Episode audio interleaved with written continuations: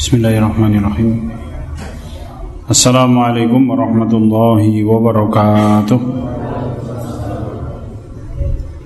الحمد لله رب العالمين إن الحمد لله نحمده ونستعينه ونستغفره ونعوذ بالله من شرور أنفسنا ومن سيئات أعمالنا من يهده الله فلا مضل له ومن يضلله فلا هادي له أشهد أن لا إله إلا الله وحده لا شريك له وأشهد أن محمدا عبده ورسوله الذي لا نبي ولا رسول بعده.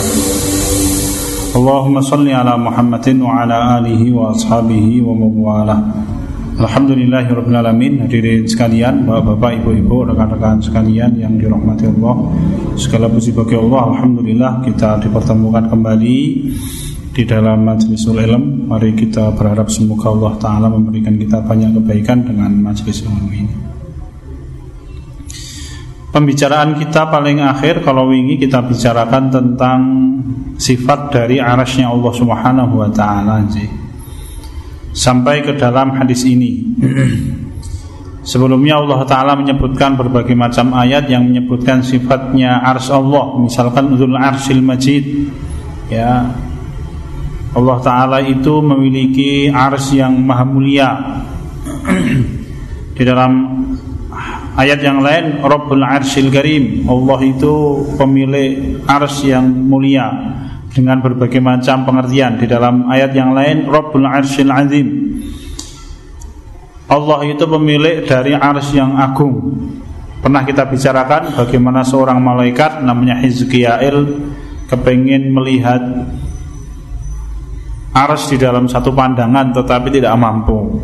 Jadi, pertemuan kita paling akhir kita bicarakan kemarin hadis ini di dalam riwayatnya Imam At-Tabari di dalam tafsir At-Tabari beliau menukilkan satu riwayat dari Imam Ibnu Mardawai Rasul kita menyampaikan mas samawatu sab'u wal ardu nasma'u wa ma fihinna wa ma bainahunna fil kursi illa kahilqatin mulqatun bi ardi. Rasul kita menyampaikan tidaklah langit yang tujuh dan bumi yang tujuh. Langit yang tujuh itu langit yang bertumpuk-tumpuk.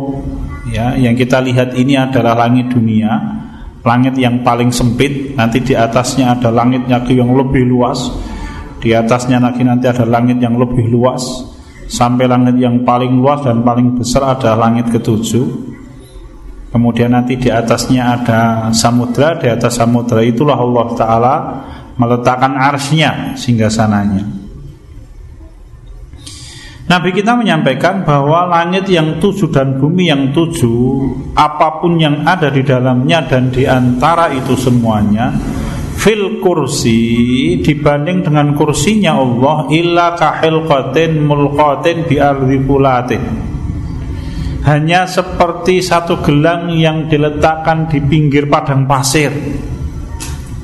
Dibandingkan dengan kursinya Allah suatu saat sahabat Ibnu Mas'ud radhiyallahu anhu menyampaikan satu riwayat satu hadis marfu' belum menyampaikan tahukah kalian apa itu kursi yang dimaksud oleh Allah pada ayat kursi wasi'a kursiyyuhus samawati wal ard wa la ya'udu hifdhuhuma wa huwal aliyyul azim.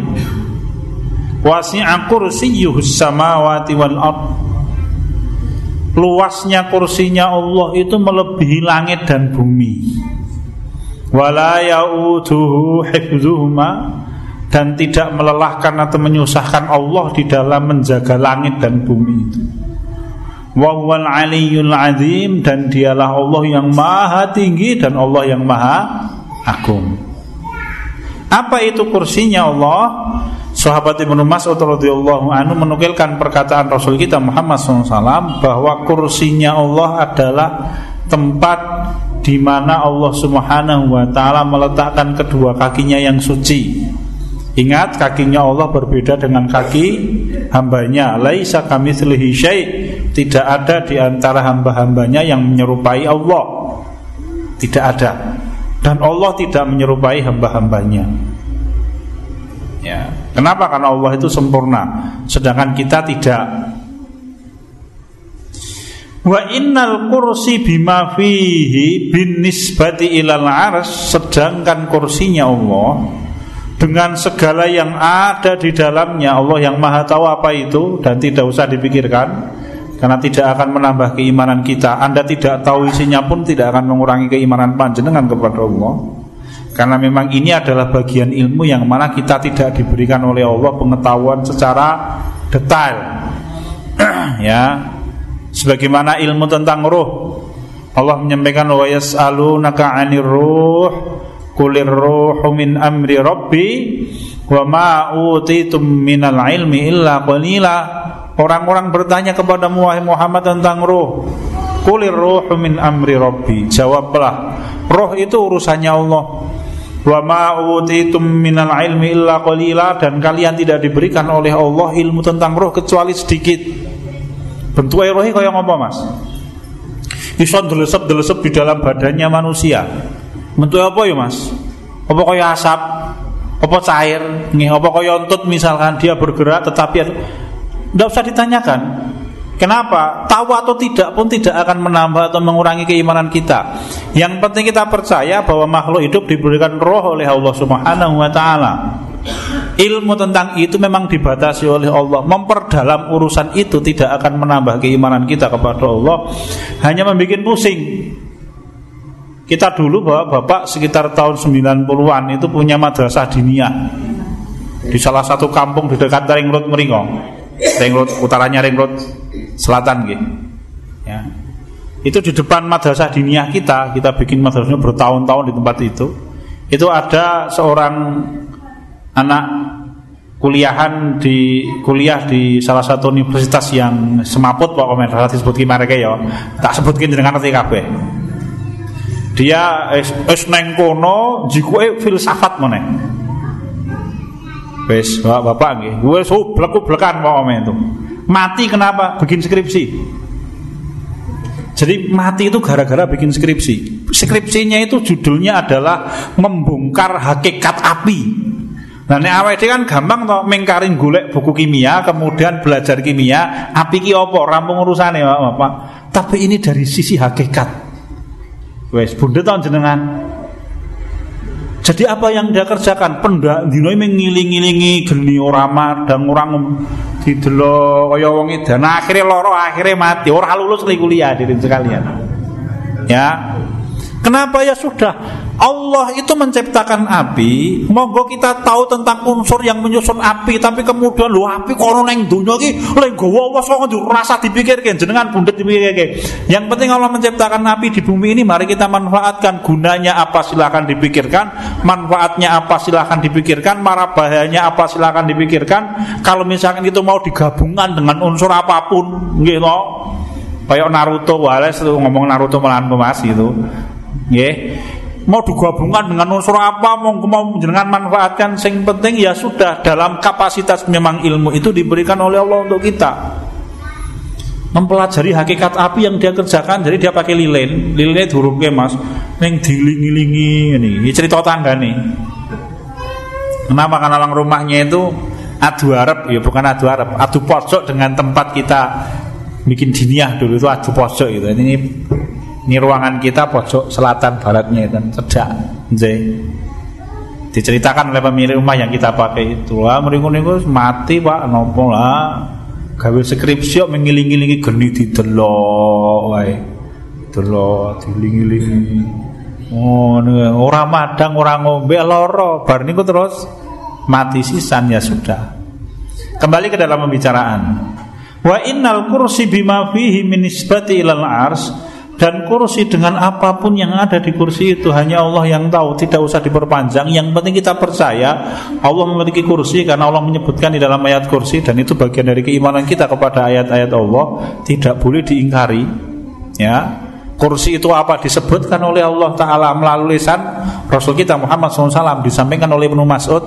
Ya, karena Rasul itu ketika menyampaikan satu kebenaran itu adalah wahyu hanya menggunakan bahasa Rasul kita Muhammad SAW ya kan? Wa ma yantiqu 'anil hawa in huwa illa wahyu yuha. Yeah. Yaitu tempat di mana Allah Ta'ala meletakkan kedua kakinya yang suci kata Rasul kita Muhammad SAW Binisbati ilal ars dibandingkan dengan arsnya Allah Sehingga sananya Allah Katil kal hilqati fitil kal falati Atau fitil kal fulati Maka permisalan perbandingannya Seperti gelang yang diletakkan di pinggir Padang pasir itu Itulah keagungan arsnya Allah subhanahu wa ta'ala ini sebagian sifat yang disampaikan oleh Allah Taala dan kanjeng Nabi kita Muhammad Shallallahu Alaihi Wasallam. Baik, mari kita bicarakan beberapa keterangan ulama salaf terkait dengan ars. Imam Ibnu Katsir rahimahullah, tapi ini istihad nggih. Belum menyampaikan wali hadza qala ba'du salaf inna masafata ma baina qatril arsi min janibin ila janib masirah khamsina alfasana inna masafata ma baina qatril ars.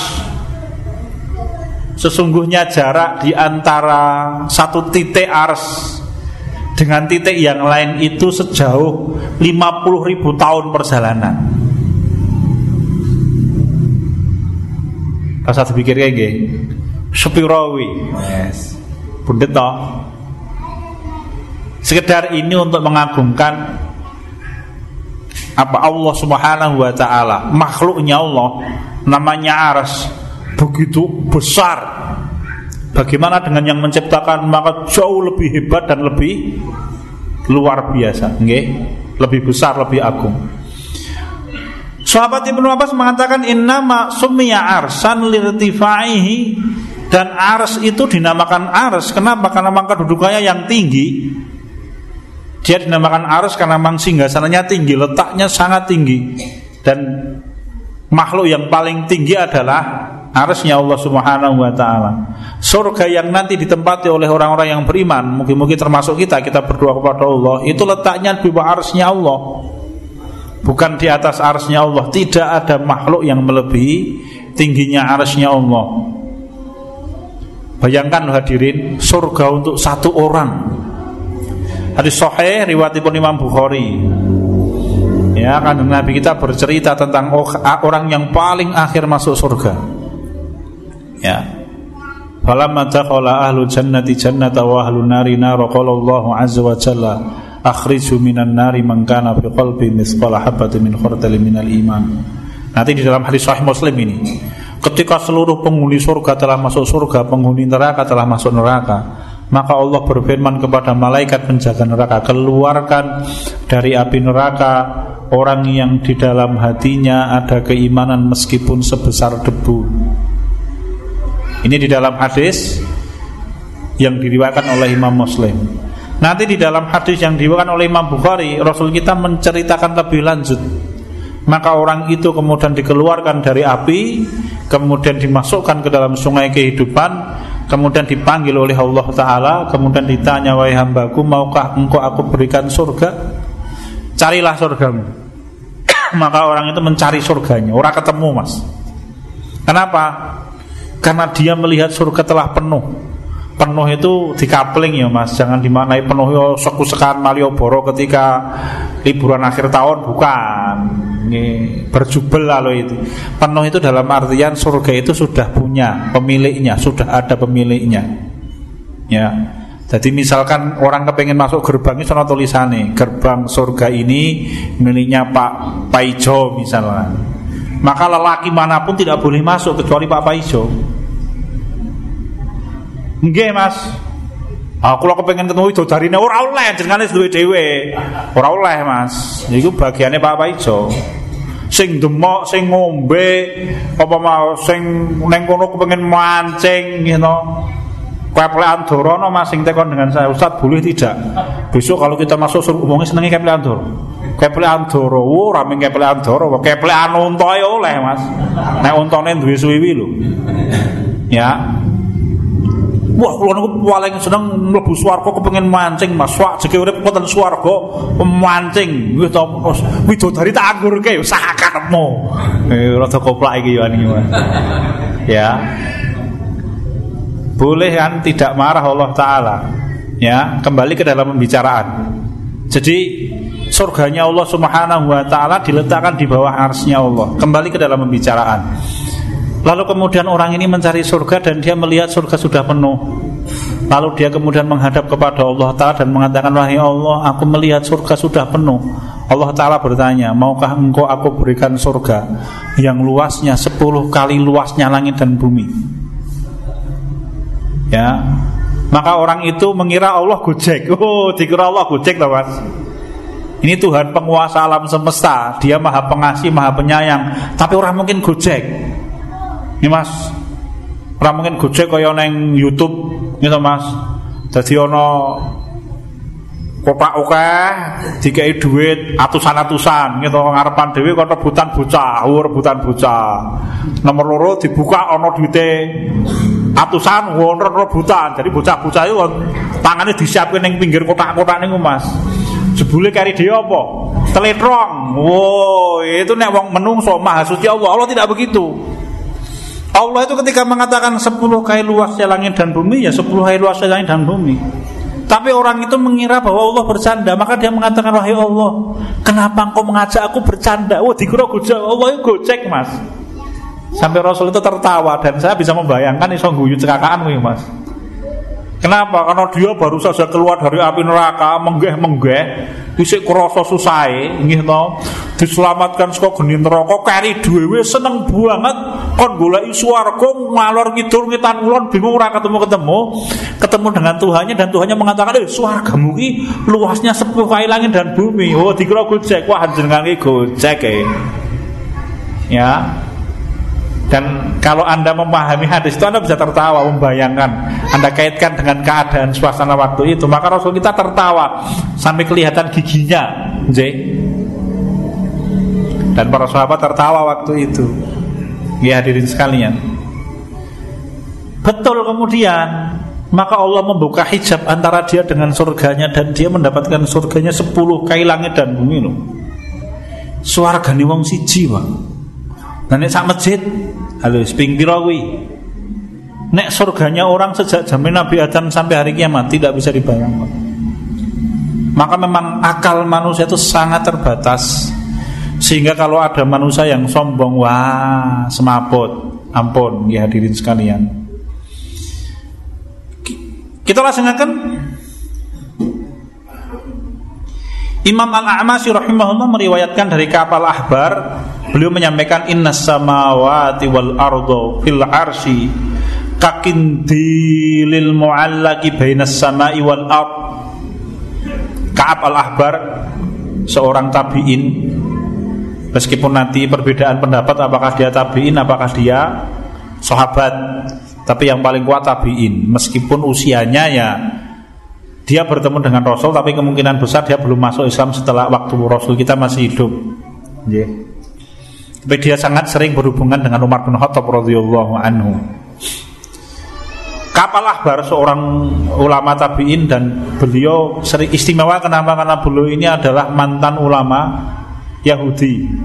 Sehingga biasanya kalau Anda mendapatkan kisah-kisah Israiliyat itu sumbernya adalah Kapal Ahbar atau Wahab bin Munabih rahimahullah karena ini dua-duanya adalah ulama besar tabiin yang mantan uh, nopo jenenge pendeta Yahudi. Yeah. Kapalah rahimahullah itu menyampaikan sesungguhnya langit dan bumi yang tujuh dibandingkan arsnya Allah itu kakindilin seperti kindil apa ya bisa dimaknai susuh bisa dimaknai saku ya mas yang diletakkan di antara langit dan bumi. Susuh manuk mas, sing gedene sak iki diletakkan di antara langit dan bumi. Susuh itulah langit yang tujuh dan bumi yang tujuh sedangkan langit dan bumi adalah arsnya Allah Subhanahu wa taala. Bagaimana dengan kita orang no gambare diri Ya. Jadi kita ini makhluk yang sangat kecil. Maka pada waktu manusia bermaksiat kepada Allah, malaikatnya gemes saja nih mas. Nggih. Malaikat itu gedem-gedem saja nih, tetapi kemudian mereka adalah makhluk yang sangat mentaati Allah. Maka mereka tidak akan mau bertindak kecuali Allah yang memerintahkan bertindak. Nah kok jangankan manusia si jim dunia dikiwa oleh satu malaikat itu sigar ajur lah hadirin sekalian. Bagaimana dengan satu orang manusia? Bagi Allah Ta'ala menyelesaikan masalah itu Gampang. Maka bapak-bapak, ibu-ibu begini nih Kalau panjenengan mengambil logika tentang malaikat itu Jangan dimaknai loh Allah itu katanya maha kuasa. Tapi kenapa Allah menciptakan malaikat? Memang Allah butuh bantuannya malaikat. Oh logikanya jangan begitu kalau panjenengan kepingin melihat malaikat itu lihat apa yang Allah berikan kepada para malaikat kekuatan mereka, ukuran mereka, beratnya mereka, apalagi kecerdasan mereka dan lain-lain. Makhluk yang begitu kuat, begitu besar, kok tunduk kepada Allah, itu hebatnya Allah. Ngoten niku Mas. Sama kan? Allah menyebutkan wonten ing surat Al-Mudatsir itu alaiha tis'ata asar. Di atas neraka itu ada 19 malaikat yang menjaga. Ayat ini turun Abu Jahali komentar karena tahu kan ayat ini kan turun surat Al-Mudathir mas Surat-surat awal itu Rasul kita masih tinggal di Mekah Begitu ayat itu turun dibacakan kepada para sahabat kedengaran oleh Abu Jahal. Abu Jahal mengatakan wah sing jogo malaikat ming wong songolas malaikat songolas. Dikerubut satu malaikat kerubut wong telu kalah mesti. Semakin ingkar kepada Allah. Betul maka Allah menurunkan ayat selanjutnya. Wa ma ja'alna ashaban nari illa malaika wa ma ja'alna iddatahum illa fitnatan lil ladzina kafaru utul kitaba amanu imanan utul kitaba wal Allah menyampaikan kami jadikan penjaga neraka itu malaikat dan kami jadikan jumlahnya songolas itu sebagai penambah bencana bagi orang-orang kafir agar mereka semakin ingkar kepada Allah dan agar orang-orang yang beriman semakin beriman. Kenapa? Kalau orang beriman logikanya orang kaya Abu Lahab, orang kaya Abu Jahal. Orang beriman itu diberitahu bahwa malaikat komandan, malaikat yang menjaga neraka itu Malik. Khazinu Jahannam dan dia bisa menggerakkan neraka sendirian. Jadi malaikat malaikat obah dewe, neraka obah dewe. J, cukup satu malaikat lah. Malaikat siji saya membuat kepala manusia pusing semuanya lah. Itu raming siji pinten mas? Songolas tambah semaput no. Logikanya orang yang beriman begitu Maka orang yang beriman itu kita diberitahukan Malaikat penjaga neraka itu songolas Dia semakin takut kepada Allah kalau orang kafir semakin ingkar lah ming saya santai mas sasak wong sak stadion rampung urusannya. Orang yang kafir kepada Allah, dia tidak tahu satu malaikat seperti apa. Ya, hadirin sekalian nasadani Allah wa iyyakum. Imam Mujahid bin Jabir rahimahullah menyampaikan mas samawati wal ardu fil arsy illa kahilqatin fi ardi fulatin. Sahabat ya, Al Imam Mujahid bin Jabir ya seorang ulama besar ahli tafsirnya tabi'in menyampaikan tidaklah langit yang tujuh dan bumi dibanding dengan arsnya Allah kecuali seperti gelang yang diletakkan di pinggir padang pasir. Ya. Dari Al Imam Ibnu Abi Hatim rahimahullah Haddatsana Ila bin Salim telah berbicara kepada kami Ila bin Salim. Langsung saja dari Ibnu Abbas radhiyallahu anhu beliau berkata al arsu la yaqdiru ahadun qadrahu tidak ada satu orang pun yang mampu menakar seberapa agungnya arsnya Allah Wa fi riwayatin illallahu azza wa jalla di dalam riwayat yang lain disampaikan sahabat Ibnu Abbas menambahkan kecuali hanya Allah yang tahu ukurannya seberapa. J. Jadi nanti kalau kita masuk surga, surga ning isor dhewe, semoga tidak ya Mas. Kita minta itu surga yang paling tinggi. Surga yang paling bawah itu ketika melihat ke atas, atapnya adalah surganya di atasnya. Begitu seterusnya Sampailah orang tinggal di surga yang paling tinggi yaitu Surga Firdaus. Lah Surga Firdaus itu atapnya adalah arsnya Allah subhanahu wa ta'ala. Maka sangat indah, paling indah mas. Jadi surga yang paling bawah Atasnya itu surga yang lain yang lebih indah. Maka ketika orang tinggal di surga yang paling bawah Dia melihat ke atapnya surga di atasnya uh, Indah sekali mas Nanti orang yang tinggal di atasnya lagi Dia melihat atapnya yang lain Atapnya dia adalah surga di atasnya lagi. Sangat indah, lebih indah lagi. Begitu seterusnya sampai orang tinggal di surga Firdaus. Surga yang di dalam satu riwayat Rasul kita menyampaikan surga itu Allah tanam tanamannya dengan tangannya Allah yang suci. Berbeda dengan surga yang lain. Surga yang lain Allah katakan kun maka jadi. Jadi maka jadilah Tetapi kalau surga Firdaus tidak. Surga Firdaus itu Rasul kita menyampaikan ditanam oleh Allah Ta'ala tanamannya satu persatu dengan tangannya Allah. Istananya diukir oleh Allah Ta'ala. Uh. Mungkin kalau bahasa kita ini bahasanya manusia. Nggih awake tapi jangan disamakan loh antara manusia dengan Allah nggih. Nek awake dhewe pengen mangan bakso, kula niku kepingine to Mas. Bakso dicampur mie ayam, dicampur karo soto, diuplek-uplek selerane awake dhewe kuwi Mas. Mula selera paling enak apa yang kita inginkan, nggih to. Kadangkala kalau kita beli makanan itu seleranya orang yang jualan nek jenengan tukune ning Jogja oh kabeh rasane mesti ana legine Nggih, jenengan lumone neng ngendi Purwokerto, Banyumas ono mesti pedes. Kenapa? Itu seleranya yang memasak. Lah Allah taala itu yang menciptakan surga Firdaus. Maka keindahannya tidak bisa dibayangkan oleh akal manusia surga Firdaus itu. Sehingga Rasul kita menyampaikan di dalam hadis sahih, "Fa idza sa'altumuhu fas'aluhul firdaus." Maka kalau kita, kalian meminta surga kepada Allah Maka mintalah surga Firdaus. Fa innaha a'lal jannah Karena surga yang paling tinggi. Wa ausatul jannah Surga yang paling indah. Gih Surga itu tidak ada cacatnya Tapi tingkatan-tingkatan keindahannya berbeda-beda. Yang paling indah adalah Surga Firdaus dari sanalah Rasul kita menyampaikan mengalir sungai-sungai ke surga yang lain. Itu mata airnya diletakkan di surga Firdaus. Surganya orang-orang mutakin.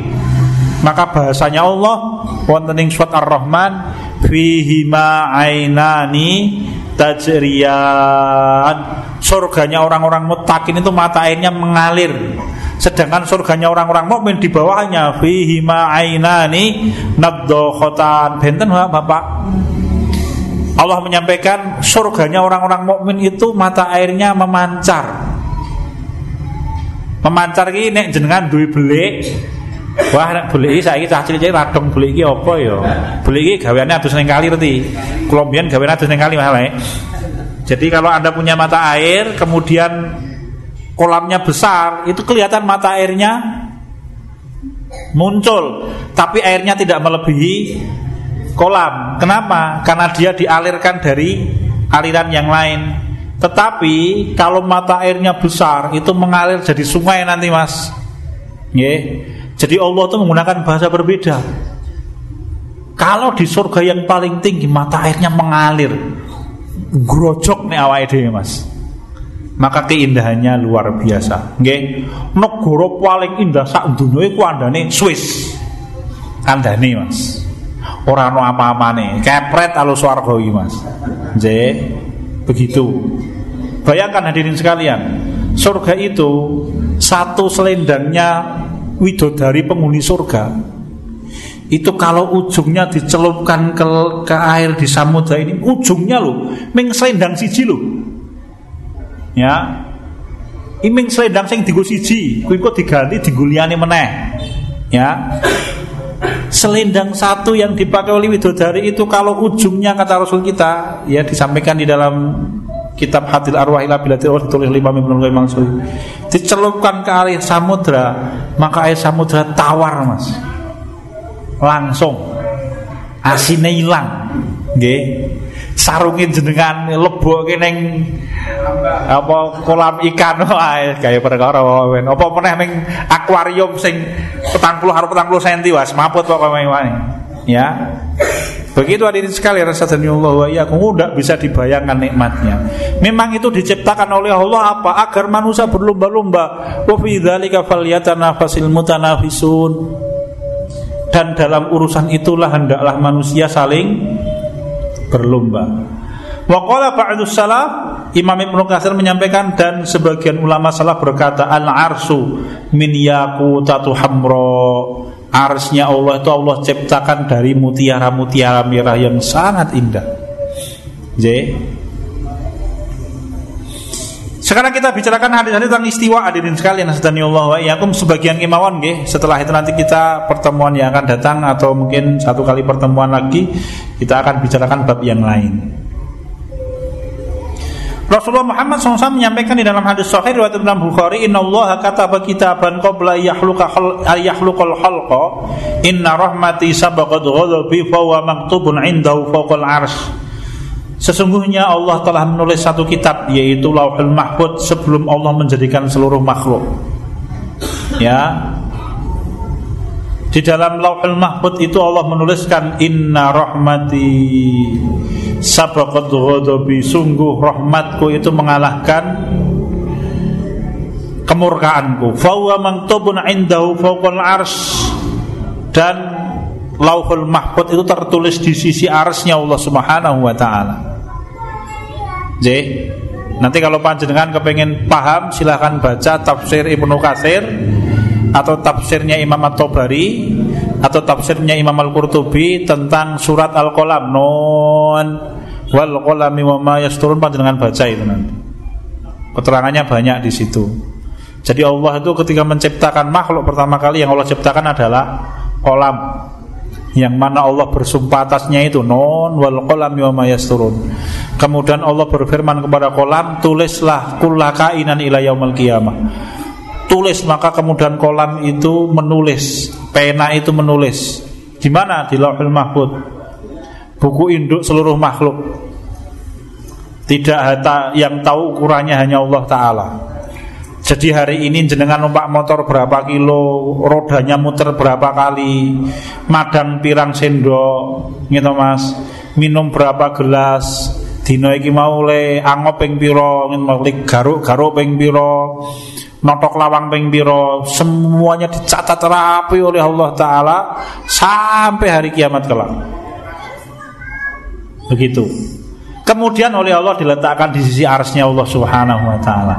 Ini Rasul kita menyebutkan tentang arsnya Allah. Di dalam hadis sahih Bukhari Muslim, Rasul kita menyampaikan lama qadallahu al-khalqa katalah fi kitab wa huwa indahu ars inna rahmati ghadabi sama nggih. Di dalam hadis yang lain Rasul kita menyampaikan ala ta'mununi wa ana aminun man fis sama ya'tini khabarus sama sobahan wa masaan. Hadis ini menyampaikan bahwa berita dari Allah itu naik ke langit atau turun ke bumi. Ya berita dari Allah itu dari langit turun ke bumi Kemudian apa yang kita kerjakan itu disampaikan ke langit Letaknya di atas Ala tak tak manuni, apakah kalian tidak percaya denganku? Wa ana aminun man sama, sedangkan aku adalah kepercayaan yang kepercayaan Allah yang ada di langit dan langit itu letaknya di atas kita. Ya'tini khobarus sama sobahan wa masaan. Setiap pagi dan sore hari datang kepadaku berita dari langit. Apa maknanya Allah itu ada di langit? Di dalam hadis yang lain Ya Rasul kita menyampaikan ya Abu Hurairah Inna Allah khalaqas samawati wal ardin wa ma bainahuma fi sittati ayyam thumma stawa 'alal ars Wahai Abu Hurairah Sesungguhnya Allah menciptakan langit dan yang tujuh dan bumi yang tujuh Serta apa pun yang ada di antara keduanya di dalam Berapa? enam hari. Sekali lagi pembicaraannya enam hari ini apakah enam harinya Allah atau enam harinya manusia? Para ulama berbeda pendapat. Semastawa alal arsh. Kemudian Allah beristiwa di atas arsnya. Di dalam hadis yang lain disebutkan lama faraghallahu man istawa alal ars. Ketika Allah selesai mencipta maka Allah beristiwa di atas arsnya cekap punika yang sakit kulaturakan berarti pekan depan nanti kita akan membahas bab selanjutnya. Bab tentang Ar-Rahmanu 'alal 'arsy. Kita cukupkan sekali lagi kesimpulannya bahwa di mana Allah Allah beristiwa di atas arsnya di mana arsnya Allah? Di atas langit ke tujuh inilah keyakinan Rasul para sahabatnya radhiyallahu anhum dan para ulama besar salaf termasuk Imam Syafi'i rahimahullah, Imam Ahmad bin Hanbal rahimahullah, Imam Ibnu Katsir disebutkan di dalam tafsir Ibnu Katsir dan lain-lain. Semoga Allah memberikan kita kebaikan dunia dan akhirat. Sekian dan demikian Bapak-bapak, Ibu-ibu yang sangat berkarakter. Saya kembalikan kepada pembawa acara kalau ada perkataan yang tidak berkenan, saya mohon maaf sebesar-besarnya. Alhamdulillahirabbil alamin. Wassalamualaikum warahmatullahi wabarakatuh.